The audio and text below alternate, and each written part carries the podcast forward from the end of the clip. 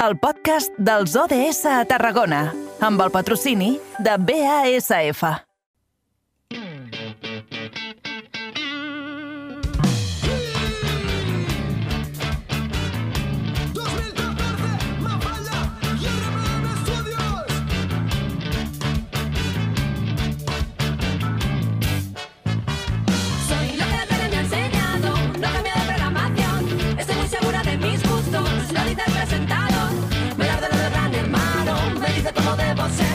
I com els dèiem en l'inici, encetem la darrera hora parlant dels ODS, els Objectius de Desenvolupament Sostenible. Avui ens centrarem en l'ODS número 12, però també farem una mirada general als 17 objectius. De fet, com dèiem, el número 12 ens parla de producció i consum responsable i ja veurem com això implica amb la resta d'objectius. I com cada 15 dies ho farem acompanyats de l'associació La Farigola. Concretament, avui parlarem de com la innovació social pot ajudar a aconseguir la resta d'ODS. Per això saludem el nostre convidat. Ell és Jorge Rovira, soci de La Farigola. Bona tarda i benvingut. Hola, bona tarda, Angie. Gràcies. Jorge, primer de tot, per anar-nos posant dintre de la matèria, en què consisteix això de la innovació social i com ho impliquem en el marc dels ODS? Bé, doncs, la, la innovació social, eh, hi ha una definició molt clara que de la Comissió Europea que parla de que les innovacions socials són noves idees que adrecen a reptes socials, eh, així tan, sen tan senzill com això, no? Eh, de fet, adrecen necessitats socials, creen relacions i, i formen noves col·laboracions. I aquestes innovacions poden ser tant productes com serveis o models de gestió i ho fan d'una forma més efectiva a com s'estan resolent fins ara. Uh -huh. Per I a- tant, a el nivell que de- podem entendre, Digues, sí, el que podem entendre és una solució per un problema que ja ens ve d'abans? Correcte, correcte, però que poder amb les solucions que hem aportat fins ara no l'hem acabat, de, no l'hem acabat de resoldre del tot. Uh -huh. I I, ara si parlaves parlem de- dels, dels dels ODS, ODS, no? correcte? Sí, que m'ho havies Mhm. introduït. Bé, doncs al final els ODS el que fan és establir unes fites a assolir eh, en diferents àrees de, de reptes socials que tenim plantejats eh, arreu del món i com a societat. I, però, però no diuen com s'han de resoldre, com hem d'arribar a assolir aquestes fites.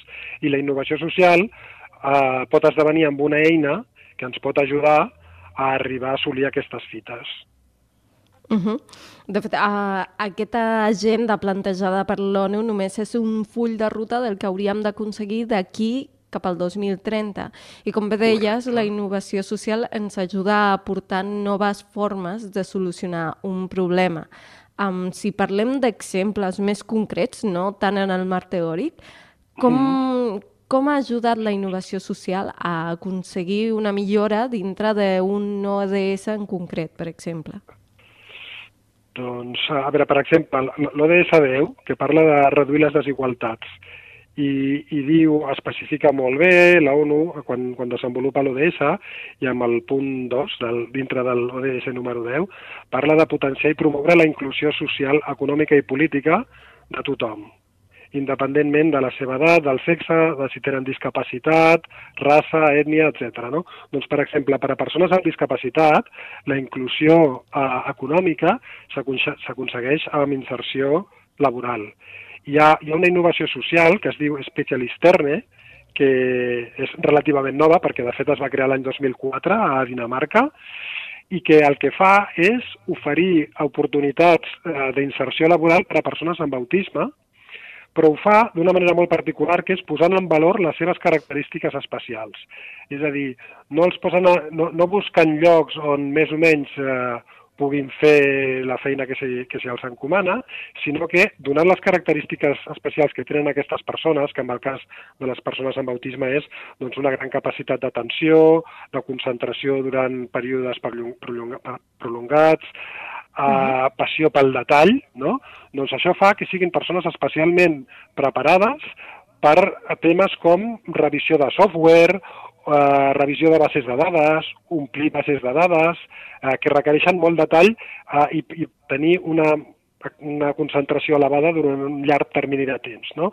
Doncs aleshores amb això creen uns llocs de treball específics per a aquestes persones i treballen amb empreses de tecnologia, de software punteres, com per exemple SAP, SAP, que és una empresa tecnològica alemanya molt, molt coneguda i molt gran arreu del món, doncs treballa habitualment amb la gent d'Specialisterne per fer revisió de, de tot allò que programen. Aleshores, això, clar, posa molt en valor a les particularitats d'aquestes persones i ajuda a inserir-les laboralment i, per tant, a reduir les desigualtats, no? com marca a l'ODS aquest número 10. Aquest seria un bon déu exemple. Déu nhi i tot allò només sorgit de, de, la de la innovació social, de posar una nova mirada a un, a un problema com pot ser el, el no trobar feina. Però clar, això és un exemple a Dinamarca. No sé uh -huh. com des de la Farigola eh, es treballen aquest tipus d'innovacions socials i en quin marc um, Uh -huh. les treballeu. Sí, a veure, eh, la farigola està centrada sobretot amb el consum responsable, no? I consum responsable de proximitat. Aleshores, eh, el projecte que més està consolidat de la farigola és un projecte de consum de, de productes alimentaris, no? de, de la cistella de la compra de menjar, que eh, bueno, es gestiona per part de les sòcies i els socis de l'entitat, comprant eh, directament a pagesos de proximitat, eh, a través de, és molt senzill el funcionament, eh, a través d'un grup de WhatsApp, eh, es, bueno, es proposa una compra, es diu qui pot estar interessat, es marquen els preus que ha marcat el, el productor i aleshores es, va, es fa una comanda agregada que després es- s'envia a la casa d'una de, de les sòcies o els socis i des d'allà doncs, la van a recollir cada un dels socis i sòcies. No? Aleshores, això és una forma de, eh, de consum responsable i de proximitat que, bueno, que amb el cas de la Farigola gestionem així. I això és el que està més consolidat, però també estem pensant en altres projectes de consum, per exemple, de consum d'energia, estem ara estudiant la possibilitat de crear una comunitat energètica o senzillament conscienciant a la ciutadania per consumir de, de forma més responsable, no? Uh -huh. Divulgació, uh, també elements més pràctics dintre de la, de la, de la filosofia de la, de la farigola.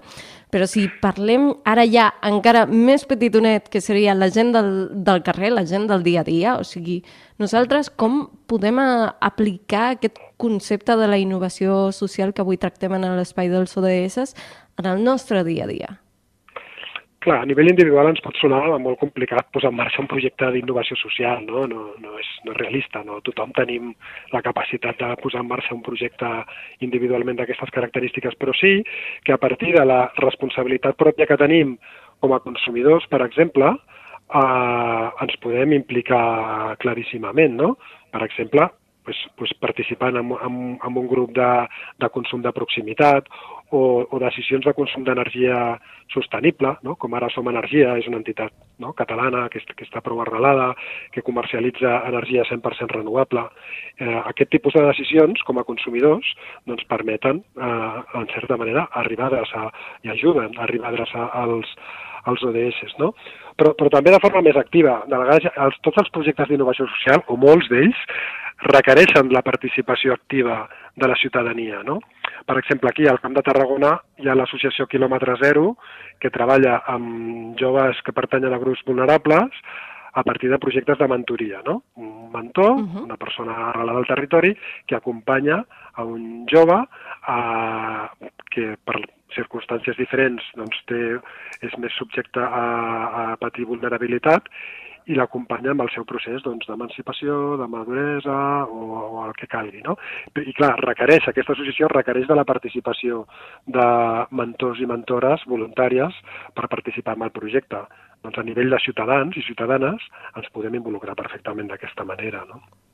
I així, de mica en mica, eh, també fer rodar la, la bola de, de la innovació social per aconseguir aquests objectius dels ODS que, que cada dia a Carrer Major els tornem a, a dir per crear més consciència. I de nou, amb, amb gent com vosaltres, amb gent eh, com la gent de Farigola, que esteu fent una feinada per tot això. Gràcies un cop més a Jorge Rovira, soci de, de la Farigola, per, per atendre'ns avui i esperem de que tinguis unes bones festes. Moltes gràcies a vosaltres. Igualment, que vagi molt bé. Adeu.